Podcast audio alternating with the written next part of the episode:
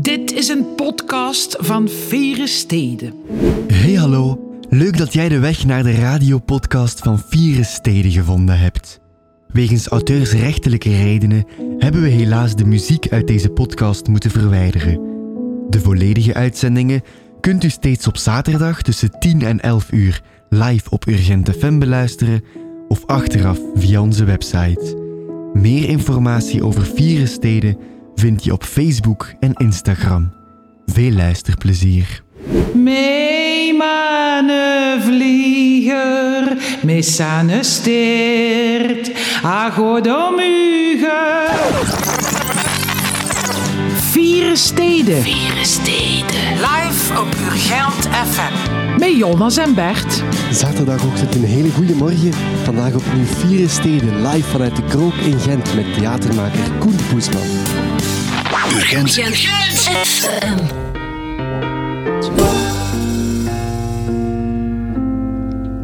Met Cruise in een eerste keuze van onze centrale gast van vandaag, van vandaag liever Koen Boesman. Koen, goedemorgen. Hoe, eh, hoe gaat het met jou? Ça va, ça va. Ja, goed eigenlijk wel. Niet eh, te vroeg moeten opstaan? Ik heb eh, jonge kinderen, dus eh, ik sta altijd vroeg op, helaas. Oké. Ja, je bent eh te gast in Vieren Steden. Ben je een Vieren theatermaker? Eh, zeker, zeker. Ja. Vier als in ook altijd onzeker of dat je over je werk vier moogt zijn. Maar eh, ik ben wel heel blij met het traject dat ik, dat ik loop en met de voorstellingen die ik kan maken. Dus ja. Oké. We, we vroegen jou eh, muziek mee te brengen. We hoorden daar straks al Sioen. We kregen van jou een enorme waslijst aan, eh, aan nummers. Eén daarvan is ehm, All This Running Around van Niels de Kaster en eh, Sarah de Smet. Waarom koos je dat nummer? Ik ken Niels en Sarah nog niet zo heel lang, een jaar of twee denk ik, heb ik hen leren kennen via een gemeenschappelijke vriendin, Elisabeth Delore, die pianiste is. En ik heb hen leren kennen als, als twee zo'n warme, toffe Gentse muzikanten die, die eh, van onderuit hun traject uitbouwen en heel mooie muziek maken. Maar ik ben eigenlijk vooral verliefd op dat nummer omwille van de clip, waar dat eh, allemaal, ik denk voornamelijk Gentenaars, in, eh, in, in, in, in, na elkaar komen. En ja, dat kun je niet zien op de radio, maar One, two, three, action. Ja, goed allemaal. Koen, je studeerde klinische psychologie, maar je zit nu in de theaterwereld. Is dat een logische keuze? Moet een goede psycholoog goed kunnen doen alsof? dat, ik, ik heb geen idee, Bert. ik weet het niet. Het is een goed bewaard geheim. Nee, het is geen geheim dat ik klinische psychologie heb gestudeerd. Voor mij staan die twee dingen echt totaal los van Dat elkaar. waar. Eh, dat was, eh je zei 18 en je vogelpiekt een studie. Ik heb die graag gedaan. Ik heb daar nog altijd veel eh, uitgehaald, inhoudelijk, filosofisch. ehm, denken over, over het mens zijn. Maar, maar ik heb eigenlijk halverwege beseft, ik heb de verkeerde keuze gemaakt. Ik wil naar het theater. En dan heb ik dat gedaan. En dan naar het theater. Ja, dan ben ik toneelschool in Maastricht gaan, gaan doen en van daaruit, ja. Ja, want, want daar eh, in Maastricht geef je nu ook les. Veel van jouw eh, collega's zullen lesgeven om eh, brood op de plank te verdienen. Maar bij jou speelt kunsteducatie een heel belangrijke rol. Van waar die, die belang, waarom vind je dat zo belangrijk? Ik, ik ben geboren in de kunsteducatie. Ik kom zelf uit, uit wat vroeger Krefi was als kind. En dan als begeleider van kampen enzovoort. En hier in Gent de jeugdwerkorganisatie Creo, waar ik als kind in zat, in Gentbrugge. En ik ben daarin opgegroeid. En dan na Krefi, dat heet tegenwoordig Jonge Helden, eh, daar cursussen in gaan geven, eh, terechtkomen bij eh, Koning Kevin. En hebben we zelf ook met een aantal van die mensen een, een kunsteducatieve organisatie opgericht. Dat heette toen ZMOG en nu Das Kunst. Pieter zal daar straks, die is hier ook meer over vertellen. Ehm, en, en van daaruit is mijn traject zich gaan, gaan meer en meer gaan oriënteren op niet alleen lesgeven, maar ook zelf maken. Maar ik vind het trouwens heel belangrijk dat je niet moet lesgeven voor, de kunst, eh, voor, de, voor het geld, maar moet lesgeven voor de kunst. Een goede eh, kunsteducatieve docent is een kunstenaar die heel graag met mensen dingen maakt. En dat is niet om de broden, dat is omwille van de kunst. Ja. Je, bent, eh, je bent heel veelzijdig. Je maakt Als stukken. jij het zegt, Bert. Ja, je maakt stukken, je regisseert, ehm, je, je geeft nog altijd eh, les. Heb je die veelzijdigheid nodig om, om aan je trekken te komen? Zijn dat allemaal facetten van hetzelfde verhaal? Ik, eh, aan, aan mijn trekken komen. Amai. Ehm, eh, ik, ik denk wel dat ik, dat ik heel moeilijk in één job met één inhoud van maandag tot vrijdag altijd hetzelfde. Ik ben snel dingen beu. Ik ben snel verveeld. en, en de dingen mogen niet te veel regelmaat hebben. Ja. Dus ik ben heel blij dat een week onvoorspelbaar is. Deze week eh, eh, weet ik eigenlijk nog niet wat er gaat gebeuren. En die, die een dag zijn we ergens een voorstelling aan het opbouwen. En die twee dagen zijn we aan het repeteren. En dan ga ik ergens lesgeven. En die onvoorspelbaarheid, waar ik nooit echt weet of het maandag of woensdag is, Mhm. eh, dat vind ik wel heel fijn om wakker te blijven in het leven. Sta je zelf ook nog op de planken als acteur? Nee. Ik heb het wel gedaan in het begin, maar ik heb het gevoel dat je als theatermens moet kiezen waarin dat je gaat specialiseren en waarin dat je beter wordt. En ik was zeker niet de beste acteur, of ik de beste regisseur ben, dat moet dan maar blijken.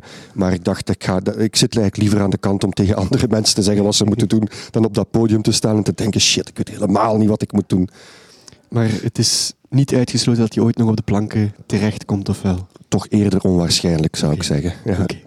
Ja. Je werkt met, eh, met verschillende doelgroepen. Soms regisseer je amateurgezelschappen, heel vaak eh, professionele mensen, soms jeugd. Ehm, is dat ook iets... Ik vind het heel fascinerend om naast met professionelen ook te werken met mensen die geen professionele opleiding hebben. Mhm. We gaan een project doen hier in Gent met Victoria Deluxe. Dat heeft als werktitel Transit. Dat is dan met mensen die hier van Gent, die uit heel verschillende achtergronden komen, die heel verschillende eh, eh, input en materiaal en, en, en, en verhalen meebrengen. We werken ook met die verhalen. Ehm, en, en die mensen ze- eh, komen ook met heel veel liefde de vloer op en met een hele grote eigenheid. En ik vind dat je een grotere vaardigheid als regisseur nodig hebt om met mensen die geen opleiding hebben Mhm. te werken. Want dan moet je ze ook nog zover krijgen om dat goed te spelen. En daar moet je methodes voor gebruiken, waarvoor ik heel vaak teruggrijp naar methodes die uit de kunsteducatie komen. Dus waar dat de grens tussen docent zijn en regisseur zijn zeer dun wordt. Mhm. Terwijl dat je cru gezegd tegen een professionele kunt zeggen ik weet totaal niet hoe dat je het moet doen, maar doe het een keer zo. Dat doe ik niet. Maar dat zou je kunnen zeggen en dan is dat zijn job om dat goed gespeeld te krijgen. Dus ik vind het heel fascinerend om tussen die werelden te wisselen. En die werelden ook niet als meer of minder waardig te beschouwen. Soms wordt er vanuit het professionele theater wat neerbuigend gedaan over amateurtheater. En sommige amateurs willen dan ook niet amateur genoemd worden, terwijl ik denk amateur, dat, dat betekent niks, dat betekent gemaakt theater. En dat, in deze context, en dat is, ik, ik heb amateurtheater gezien ehm, dat eh, makkelijk kan wedijveren met professioneel theater. Eh, als je kijkt naar wat er op het landjuweel komt van Open Doek bijvoorbeeld, heel vaak zitten daar voorstellingen tussen, zowel qua kwaliteit van spelers als kwaliteit van regie, dat je denkt dat is, dat is goed theater. Pas op, er is ook heel veel slecht theater in het amateurtheater, helaas. Ja. Je bent verbonden aan twee eh, gezelschappen, Aardvork en eh, TG Vagevuur. Klopt. Waarom twee? Dat is een beetje historisch zo ontstaan. Eh, Tegen Vagevuur is ontstaan direct na de toneelschool met een aantal klasgenoten van mij en is dan uitgegroeid vanuit een collectief naar een eh, professioneel muziektheatergezelschap. Wij maken voorstellingen op de grens tussen opera en zelfs musical. Ehm, en dan wou ik later mijn traject ook voorstellingen gaan maken voor kinderen. En dat is eigenlijk zelfs begonnen met een project hier in Gent eh, voor het Wilde Mannen Woeste Wijven Festival, vier, vijf jaar geleden, waar wij iets wouden doen en hebben een soort straattheater, theaterproject gedaan. En dan ben ik begonnen met een gezelschap dat zich focust op eh, voorstellingen voor kinderen. Intussen ook vooral muziektheater, waarbij we eigenlijk eh, opera, fragmenten en klassieke muziek eh, proberen toegankelijk te maken via een verhaal en een vertelling voor kinderen. En dan heeft dat een nieuwe naam gekregen en, eh, en dat is dan Aardvork geworden. Ja. Is het toeval dat in die twee projecten muziek wel een, een belangrijke rol speelt? Dat is eh, ontstaan en ik weet zelfs op welk moment. Ik was aan het repeteren in, een, ehm, in Brussel, eh, in, een, in, een, in een gemeenschapscentrum met een th- amateurtheatergroep. En daarnaast, in het lokaal daarnaast, zat mijn goede vriend Peter Spapen, die daar ehm, met een eh, koor aan het repeteren was. En die muziek waaide binnen in mijn repetitieruimte. En de kracht daarvan en het imperatief daarvan, als die muziek binnenwaait en wat dat met uw scène doet, dat kon ik niet negeren. Dus ik zeg, Peter, kom, eh, kom met dat koor maar naar hier. Eh, ik romantiseer het een beetje. En wij hebben dan instant eigenlijk samen een voorstelling beginnen maken. Agamemnon, die hier ook trouwens in Gent en NT Gent op het landjuweel heeft gespeeld, wat een heel fijne ervaring was. En van daaruit is dat traject tussen Peter en mij ontstaan, want ik weet zelf niks van muziek, wat ik een heel toffe positie vind om muziektheater te maken. En dat je kunt zeggen, ik snap er niks van. Eh, lossen jullie het maar op. Ik ga er een schoon toneeltje bij maken. als jullie maar mooi zingen. Uh, en dus uh, zo is dat meer en meer beginnen integreren. En nu maak ik, maak, ik heb al jaren geen voorstelling meer gemaakt waar geen live muziek in zit. En ik heb al jaren geen cd'tjes of zo of mp3'tjes meer opgezet. Alles is live en er is altijd muziek. Ja. Je sprak daarnet over uh, de rand van opera. Je hebt Henry Purcell meegebracht, When Orpheus Sang, ja. uitgevoerd door Pieter de Prateren. Waarom Purcell? Pieter de Prater zingt prachtige contratenor, dus mm -hmm. de hoge mannenstem. En met hem heb ik, is eigenlijk vaste waarde in het Aardvork gezelschap hier in Gent. Hij is een Gentse zanger. En wij hebben een voorstelling gemaakt, Henry heet die, over Purcell, over het ja. leven van Purcell. Die leefde in 1665 ongeveer in Londen, midden in een pandemie, in ja. de pestepidemie. We hebben die gemaakt vlak voor de pandemie. Dus het is misschien onschuld. Daarna hebben we een voorstelling over Russen gemaakt. dus het is toch allee, uh, problematisch misschien. Maar goed, uh, dat is een prachtige muziek van Purcell die heel toegankelijk ook is. En die we merken dat kinderen die heel goed kunnen begrijpen. Uh, maar toch ook gek is soms, zeker ook met die stem, die hoge mannenstem die heel uniek is, maar waar kinderen in het begin vaak een beetje lacherig op reageren. Ja. Maar we proberen die met die voorstelling toegang te geven tot die muziek. En ik heb ze zelf ook leren kennen, want ik zeg het, ik, ben, ik weet niks van muziek, dus ik leer die muziek ook. Ik zeg tegen de muzikanten, breng maar een selectie mee van wat jullie van Purcell uh, willen, willen, mee, willen brengen in de voorstelling. En ik heb dan het, het verhaal uitgezocht, die zijn leven, en hoe kunnen we dat in theater gieten. En voilà, het is, het is bloedmooie muziek. When Orpheus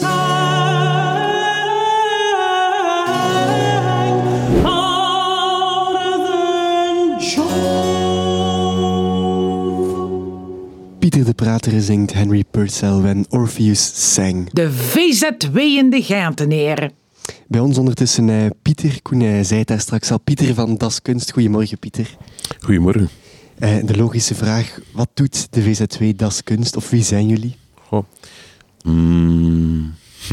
Wij zijn een kunsteducatieve organisatie en werken met kinderen en met tieners die begeleid worden door jonge kunstenaars in allerhande projecten in Gent, in mhm. Antwerpen en in Kortrijk. Um, werken veel met materiaal, mhm. allerlei soorten materiaal. Ondertussen ook veel technologie om het iets concreter te maken. We hebben eigenlijk een groot magazijn. Dat staat.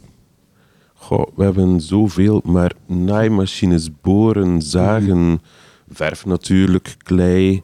Um, maar ook um, lasercutters, 3D-printers, superveel computers ondertussen, iPads, van alles. Okay. Het woord kunsteducatie is al uh, daarnet gevallen bij Koen. Je zegt nu mm -hmm. ook, we zijn een kunsteducatieve organisatie. Misschien voor de mensen thuis, wat is kunsteducatie? Wij spreken er nu heel makkelijk over, maar wat moeten mensen daar um, achter verstaan? Goh. Mm, wat het juist is, ik denk dat er veel uh, theorieën en invullingen bestaan. -hmm. Wij willen eigenlijk kinderen en tieners uh, creativiteit aanleren. Uh, zorgen dat ze flexibiliteit aanleren en dat ze ook samenwerken. Um, en dat is dan via de kunsten? Wel, ze leren iets. Ik denk dat het woord educatie eigenlijk heel belangrijk is. En kunst is bij ons zo ingevuld dat al mijn collega's, iedereen die meewerkt, die is opgeleid als kunstenaar. Ja. Meestal zijn beeldend kunstenaars. Uh-huh. Um, en die gebruiken in al die projecten hun uh, kennis op vlak van materialen en technieken, maar ook geven heel veel inspiratie. Meestal zijn dat eigenlijk beelden die we tonen ter inspiratie, bewegend beeld of foto's. Ja. Um, en ik denk dat un ah, unieke is misschien wat overdreven, maar de, de stijl van dat kunst is zo dat we heel los werken. Alles is zeer goed voorbereid, uh, maar wij hebben mensen bij ons die in staat zijn om alles overboord te gooien, omdat we zien dat de kinderen of de deelnemers zoiets hebben van hm, we vinden het toch niet zo plezant. En dan, we werken heel erg vanuit de deelnemer ook. Dus wij kunnen, voor mij is het altijd de beste uitleg bij ons, dat kunst is geïnspireerd op de manier hoe jazz werkt. Um, je moet heel technisch onderlegd zijn als mhm. begeleider, openstaan voor wat die kinderen en tieners inbrengen. En tegelijkertijd, net als in de jazz, heel goed kunnen kijken, luisteren, Ja. voelen en alles loslaten en spelen met wat dat er is. Ja. Eh, wat is jullie doelgroep? Je spreekt vaak over kinderen. Ja, vanaf het eerste leerjaar. Ehm, we werken ook met tieners tot en met 13, 14. Mhm. En de begeleiding zijn altijd 18 plus. Meestal 2, 23 tot Ja. 29, 30, zoiets. Ja. Een van jullie initiatieven is de Kunstfabriek. Wat, Ja. eh, wat is dat? Goh, dat is een... Ehm, wat is dat? Ehm, Het is voor kinderen van 6 tot en met 13. Mhm. Ehm, en we hebben twee lijnen erin. Je leert eerst ehm, een week lang. Kunstfabriek is een weekproject. Ja. In de schoolvakanties en een week lang leer je samen met al die materialen en technieken werken. De 1.0-versie zijn de gewone materialen en technieken, maar bij ons is dat al zoveel dat dat toch ook niet zo gewoon is. En in de 2.0-versie is voor tieners vanaf eh 9 jaar tot en met 13. En dat is echt met de lasercutter en de 3D-printer. Het verschil is, 1.0 is ruwer, wilder, minder verfijnd. En de 2.0 is verfijnder. Ietsje kleiner, ietsje minder vuil, maar toch nog vuil genoeg. Eh, we, zien, we zien in het straatbeeld vaak affiches van dat is kunst. Hè. Ehm, ik ken ook in mijn vriendenkring heel veel, heel veel ouders wiens kinderen eh, naar, naar eh, de kunstfabriek eh, komen. Dus jullie hebben wel een groot bereik. Ja, ik ben er heel blij om. Hm? Het was een project dat in 2013, denk ik, voor het eerst is kunnen gebeuren ehm, met een subsidie van Thuis in de Stad. En dat was in de wijk in Sint-Amansberg. Mhm. Eh, ik zelf ben maar in de werking gekomen in 2014, maar samen met een aantal mensen in de organisatie zagen we van dat is zo tof. En er kwamen toen 20, 30 mensen naartoe, kinderen. Maar we zagen zo van, wauw, daar is zoveel mee mogelijk. En ja, omdat we daar, denk ik, ook op ingezet hebben, veel energie aan besteed hebben, is dat verspreid geraakt over verschillende wijken. En ja, mensen vinden het blijkbaar super tof. Wij ook nog altijd. Ik denk dat dat, dat een beetje vice versa werkt. Wij investeren erin en we vinden steeds nieuwe mensen ook om erin mee te doen. Er komen ook veel kinderen terug. Niet iedereen, maar Ja, en dat gaat eh, breder dan Gent, want jullie hebben hier een kunstfabriek, maar ook in Kortrijk en Antwerpen. Jullie Ja. zien het groot. Ehm, het is niet zo groot. Ik bedoel, ehm, voor ons is het een goede werkvorm Mhm. om wat we doen te kunnen doen. Maar eh, het is zeker het is gegroeid, hè, maar ehm, je hebt ook andere spelers in het land die ja, toch nog veel meer mm, in bulk werken. Mhm. Dat is ook niet haalbaar voor ons. Het is organisatorisch kruipt er heel veel werk in. En ik vind een goed volume nu van wat we aanbieden.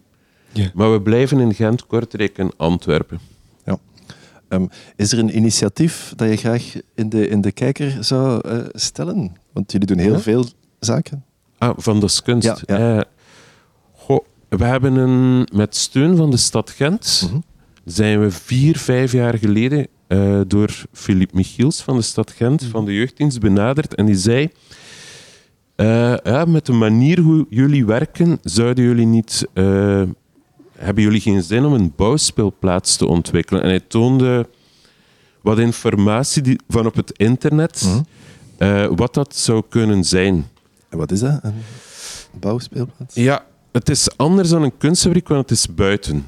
Het Ja. is, ehm, we werken daar eigenlijk hoofdzakelijk met recuupmateriaal. Hout, eigenlijk ja, allemaal dingen die we via bedrijven en, en eh, zo verder vinden. En op die bouwspeelplaats leer je eigenlijk nog veel meer bouwen, zagen.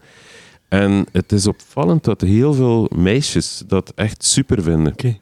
Eh, jongens ook, hè, natuurlijk, maar het is... ehm, ja, iets waar het nog meer potentieel in zit, ik zal het zo zeggen. Oké. Eh, mensen die aan het luisteren zijn, Pieter, en die zoiets hebben van ehm, ik zou graag eh, mijn kinderen er naartoe sturen. ehm, waar vinden ze jullie? Ah, we hebben een, een website, www.daskunst.be. En ja, daar vind je niet alles op, maar toch het een en ander. En kan altijd een mailtje sturen. Ja. ehm, sommige VZW's werken ook met vrijwilligers. Zijn er, zijn er vrijwilligers bij jullie?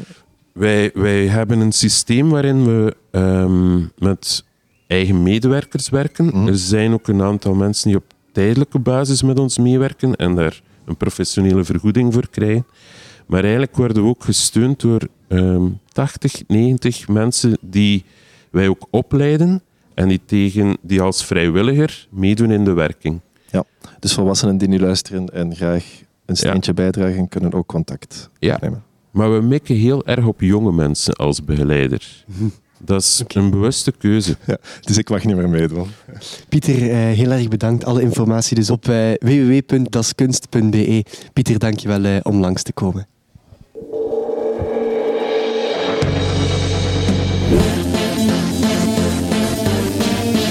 Zitten nog steeds met eh, Koen Boesman, onze centrale gast. Koen, je hebt net eh, het stuk Rosa afgerond. Ja. ja. Waarover ging dit? Over Rosa. Klaar. Fijn gesprek. liedje. Ja, oké. ja. ja. Nee, nee, over, eh, over een Rosa. Mhm. Rosa Luxemburg. specifieke Ja, ja. Rosa Luxemburg, die was een allee, ze was eigenlijk Poolse van origine, maar ze leefde en woonde in Duitsland iets meer dan 100 jaar geleden. Mhm. Een politica, een heel straffe vrouw vanuit de linkse socialistische hoek, die zich eh, heel haar leven lang heeft ingezet voor eh, hervormingen, sociale hervormingen. Voor, ze was ook eh, dokter in de sociale wetenschap, economische wetenschap. Die sprak op grote congressen. Ze was een klein, beetje scheef gegroeid vrouwtje. Ze was ook nog eens Joodse, dus ze had heel veel redenen om... eh, om, om, om, om geen gemakkelijk leven te hebben, om, om ergens aan een haar te belanden. Maar ze is een van de belangrijkste politieke figuren geweest van Duitsland. Ook heel erg voor vrede gepleit. En dan is natuurlijk de Eerste Wereldoorlog gekomen. Eh, en aan het einde van haar leven is, ze, eh, haar leven is geëindigd omdat ze is vermoord door wat dat je nu kunt zien dat dat eigenlijk de opkomende, het opkomende fascisme was. Ja. Dat is wel een heel zwaar thema om, Ja. een, om een theaterstuk over te maken. Ja, maar het is ook met mopjes af en toe. Ja. Hoe kom je dan... eh, word je dan wakker op een dag en denk je van ik ga een, een zwaar thema zoeken om daar een, een voorstelling met mopjes rond te maken? Of, of passeert dat uw pad? En Ja, het is eerder dat. Eh, Ja. eh, eh, onderwerpen voor voorstellingen die komen op mij af. Mhm. Serendipity, dat valt uit de lucht en je denkt... Ik, kwam toe, ik was eigenlijk aan het kijken voor een andere productie. productie die was ik aan het eh, lezen over Bertolt Brecht. En ik las dat Bertolt Brecht ehm, tot twee keer toe begonnen was aan een stuk over een of andere Rosa Luxemburg die ik niet kende. En nooit had afgewerkt. En ik dacht, waarom doet die mens, waarom begint hij eraan en waarom werkt hij het niet af? Ik wil weten wie dat is. Ja. En dan heb ik die vrouw ontdekt, haar leven, haar brieven, haar werk.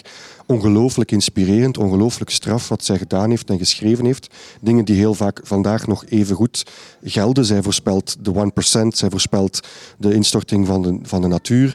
100 jaar geleden en we maken nog altijd diezelfde fouten. Dus het is door iets dat triggert en dan ga je daarop studeren, boeken lezen, eh, documentaires kijken en dan ontdekte wel of niet, het is een thema waar ik een voorstelling uit kan trekken.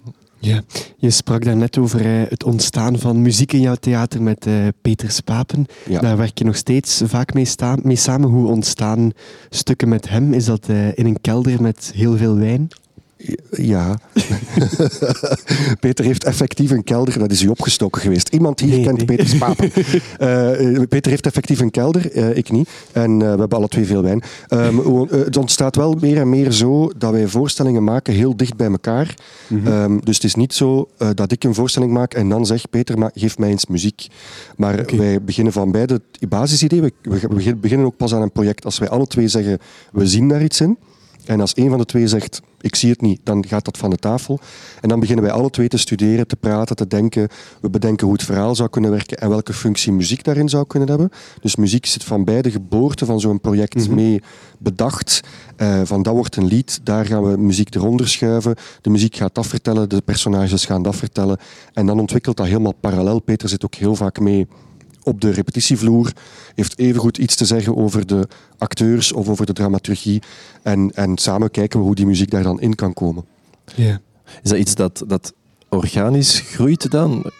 Uh, krijgen ook de, de acteurs inspraak in het stuk? Maken die mee? Of is dat echt iets wat jij dan als, als maker... Het zit ergens tussenin. Wij maken niet... Je hebt gezelschappen die collectief werken, waarbij alle spelers... En er is vaak zelfs geen regisseur bij. Iedereen werkt samen, alle ideeën op de vloer. En we beginnen te zoeken samen. Wij hebben wel, uh, Peter en ik, of als ik bij Aardvork uh, voorstellingen maak, ikzelf, -huh. hebben een, een verhaal, een structuur, vaak al een tekst gecreëerd of een stuk van een tekst. De muziek is gecomponeerd, er is al een beeld. En dus de basis ligt er, maar wij gaan wel uh, de eerste week zitten we heel vaak te discussiëren. Waarover moet het gaan? Hoe zou dat personage kunnen zijn? Hoe gaan we dat verhaal precies vertellen? Ik weet helemaal niet hoe die scène eruit gaat zien. Of hoe dat gespeeld moet worden. Dat is dan het vakmanschap van de speler. En die gaat de vloer op en ik zeg, doe een keer. Weet ik veel hoe het mm. moet gespeeld worden. Mm. En dan denkt die speler, ik denk zo. En dan denk ik, ja, fantastisch, ga erop door. Of, maar toch nog een keer iets anders proberen. Ja. En zo zoeken we het wel samen uit hoe het moet gespeeld worden. Ja, want je hebt wel iets in je hoofd, want, want je weet wel naar waar je wil gaan. Het allerbelangrijkste is dat je weet wat dat je wilt vertellen. Mm -hmm. dat, je, dat, je, dat je iets te vertellen hebt als theatermaker, vind ik. De theater moet over iets gaan. En je werkt eigenlijk... Maar die scène kan wel een omweg zijn naar wat dat, het pijnpunt is. Bijvoorbeeld in Rosa zitten veel effectief humoristische scènes die, die een omweg zijn of die, of die in, in, op het moment in dat verhaal dat je denkt, ja, nu is het toch wel even te zwaar geweest. Um, maar die wel dienen voor uiteindelijk dat verhaal te vertellen over die ene hele straffe vrouw. Ja. En dan als theatermaker, wanneer heb je zoiets van, het is nu af, het is klaar, het kan naar het publiek gaan? Ja, als het première is. ja, maar mensen vragen soms aan mij als ze een eerste voorstelling maken of zo, studenten in een toneelacademie, mm -hmm. wat, moet ik, wat moet ik als eerste ding doen? En ik zeg, je moet als eerste ding je première datum vastleggen. Dat is het eerste en het belangrijkste. Want dat is je piketpaaltje waar je naartoe moet werken. Ja. En daar kom je niet onderuit. Want anders ga je altijd denken, oh, ik ga nog wat langer. Ik ga nog een beetje bij. Repeteren is een gas. Hoe meer tijd dat het geeft, hoe meer tijd dat het pakt. Je kunt blijven repeteren. Dus je weet, ja, uh, die datum, 2 december dit jaar, gaat onze nieuwe voorstelling Testrep in première in de Grote Post. Voilà, dat heb ik dat toch maar weer gezegd. In Oostende. Uh, daar kan ik niet meer onderuit. Dus tegen dan zal dat stuk er moeten staan. En dan gaat je je traject daaraan aanpassen. En in die laatste week, ja, dan moet keuzes maken. Want nu moet het er staan die je anders misschien niet zou maken als je jezelf nog meer tijd zou gunnen. Ja, je zegt uh, theater moet iets vertellen. Maak je dan een stuk voor het publiek of omdat het gemaakt moet worden?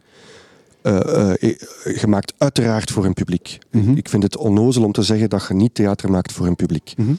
uh, theater is een manier, alle, alle kunst trouwens, in, in, mijn optiek, is een manier van communiceren. Is iets vertellen aan iemand anders en die mag dan terug communiceren. Die mag dan zeggen dat hij het stom vond of prachtig of weet ik veel wat.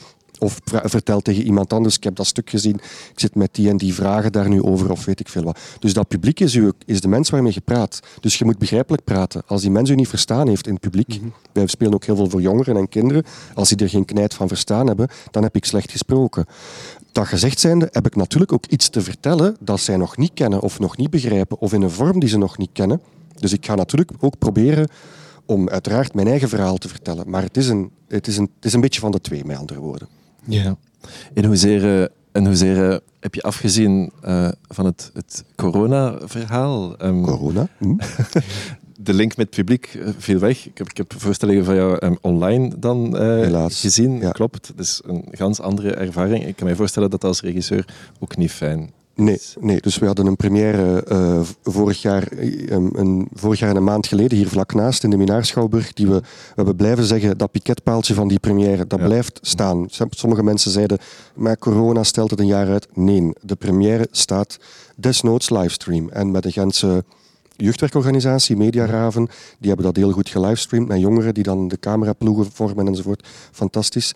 Maar het is niet gemaakt voor op de, het scherm. En dus je zit daar in een zaal met, met, met drie man uh, naar te kijken. Het is raar voor die spelers, het is raar voor ons.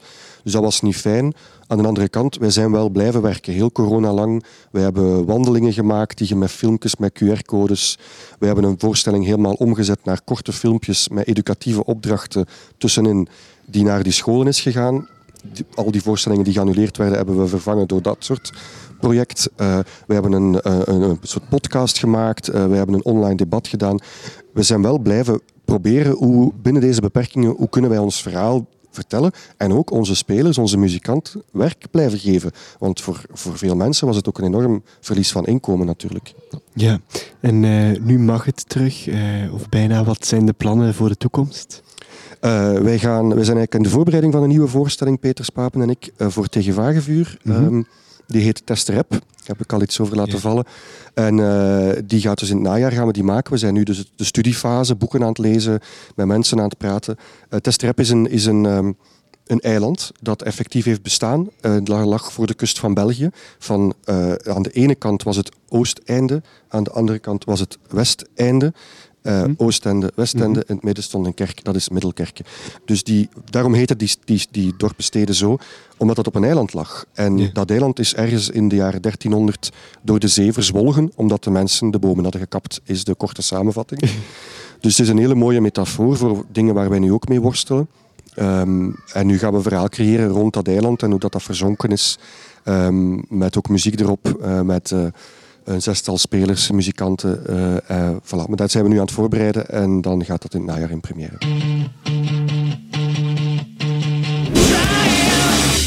Koen, bestaat er zoiets als uh, de Gentse theaterscene en hoe is het daarmee gesteld? Er is een heel levendige en actieve Gentse theaterscene. En, en niet alleen de grote gekende huizen, mm -hmm. die, er natuurlijk, die iedereen kent, en te Gent en wat er in de vooruit gebeurt enzovoort. Maar er is heel veel van onderuit kleine gezelschappen zoals wij, die zelf een plan trekken. Plantrekkerij, ik vind dat iets heel Gents. En die, heel, op een, die vinden een weg naar kleine zaaltjes, naar de Arca, naar Tinnepot. Mm -hmm. uh, van daaruit naar, naar heel Vlaanderen. Um, en heel open en heel veel open gesprekken. Ik vind een heel toffe, dynamische scene van onderuit. Ja. Is er ook, is er ook uh, een amateurscene in Gent? Absoluut, bij de beste van Vlaanderen. Uh, nee, je hebt, uh, je hebt Krakeel, je hebt Theater de Waanzin, je hebt Multatuli. Je hebt heel veel hele goede amateurtheatergezelschappen die heel goede producties maken ja. in Gent. Ja, fijn. En we vragen de centrale gast altijd om een Gentenaar van de Week te nomineren. Je hebt Ja. zelfs een Gentenaar van de Week meegebracht. Ja, ja, ja. Vertel er alles over. Ja, ik kon niet anders dan mij moeken. Eh, nomineren eigenlijk. Ehm, en niet, niet per se omdat ze mij gebaard heeft. Dat, dat is op zich natuurlijk al een prestatie. Allee, ik bedoel, alle moeders die iemand baren, of ik specifiek nu. Ja. Ehm, maar ik dacht eh, specifiek aan mijn, mijn moeder, Mieke, Mhm. Mieke Hamels. Omdat zij, ehm, ik enorm veel bewondering heb voor het feit dat zij vanuit haar pensioen, ze is al met pensioen, Klopt. eh, toch is midden in die corona, als zijnde toch iemand die in de kwetsbare groep zit, uit pensioen is teruggekeerd om in het woonzorgcentrum, waar ze, altijd, waar ze de laatste jaren van haar werkzame leven gewerkt heeft, terug te keren en daar te gaan helpen. Mondmaskers aan, eh, alle veiligheidsmaatregelen, maar daar toch te gaan helpen omdat die mensen in de problemen zaten. En ik vind daar op die manier ze heeft daarvoor ook heel vaak, wat ik denk dat haar het allerdierbaarste is, haar kleinkinderen voor periodes niet kunnen zien, Mhm. want dat was dan te veel risico. Ja. Want zij zat midden in die besmettingshaarden en er mocht absoluut geen verbinding zijn. Ehm, en dit heeft dat volgehouden. Het is nog, ze komt net, eh, dat wou jij misschien zeggen, Bert, sorry. Ik ga dat niet zeggen, ik heb dat niet gezegd. Wis, wis, wis. Ehm, en, en, maar in die zin staat mijn moeke eh, natuurlijk ook voor mij symbool voor alle Gentenaars die, en alle mensen van heel, van heel de wereld die vrijwillig zoveel hebben gedaan in die coronacrisis om, om alles recht te houden. Ook in de cultuursector hier in Gent, fantastische initiatieven, COVID-SSS Mhm. en al die dingen. En, maar mijn moeder is een van die vele mensen die vrijwillig zoveel heeft gedaan. Ja, ehm, welkom. Goedemorgen. Goedemorgen. Ja. Ehm, fijn om te horen, waarschijnlijk. Ja, dat is tof. Dat was een verrassing. Eh, klopt. We hebben ook nog een, een kleine verrassing voor, voor u. Ehm, Wow. Ja, eh, we vonden het een heel fijne nominatie. En inderdaad, een beetje symbool voor alle eh, vrijwilligers. Dachten we van, dat verdient een bloemetje. Hartelijk bedankt. Het is net de week van de vrijwilligers. We zijn ook door Gent eh, bedacht geweest. En ik werk mee in het woonzorgcentrum Zonnebloem in Zwijnaarden. Mhm. En daar is een hele grote groep vrijwilligers. En inderdaad, die zijn, ja, mag ik het wel zeggen, van onschatbare waarde. Eigenlijk onmisbaar op dit moment in de zorg en eh, in de animatie. Ja. Ja. ehm, je, je, Koen zei het net, je, je was op pensioen. Je, eh, Mhm. je bent op pensioen. Ehm, ja, dacht je dan plots van, ik ga mijn steentje bijdragen? Of, of hebben mensen u gebeld? Of... Nu, van bij aanvang, toen ik met pensioen ging, had ik eh, eh, op het werk gezegd van kijk, als je mij nodig hebt, roep mij maar. en eh, aanvankelijk beperkte zich dat tot begeleiding van bewoners naar een consultatie, bijvoorbeeld in het ziekenhuis.